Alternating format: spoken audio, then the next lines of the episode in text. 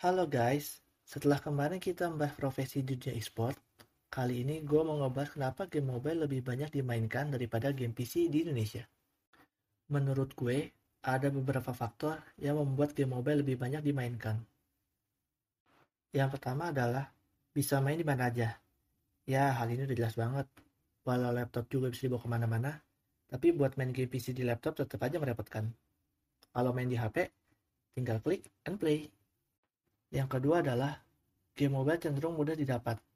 Ya, lagi-lagi ini udah terlihat jelas. Banyak sumber untuk mencari game-game PC, contohnya Steam.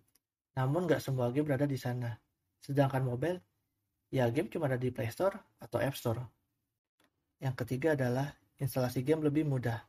Ya, kita udah tau lah kalau mau install game PC cukup repot. Belum lagi kalau kita yang bajakan alias nggak legal. Mesti krek sana sini, kadang krekannya nggak jalan pula. Lain halnya dengan game mobile. Tinggal klik, otomatis download, terinstall, dan tinggal main deh. Namun, yang menurut gue paling mempengaruhi adalah device mobile cenderung lebih murah daripada PC atau laptop. Ya, kalian pasti tahu lah, semakin bagus game, mesti semakin bagus juga device-nya.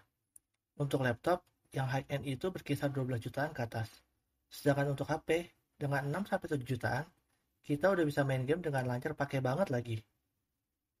Namun, semua baik lagi ke selera masing-masing. Entah game PC ataupun mobile, semua memiliki penikmatnya masing-masing. Toh, ujung-ujungnya cuma just for fun kan? Oke, sekian sisi santai kali ini. Thanks for listening and see you in the next episode.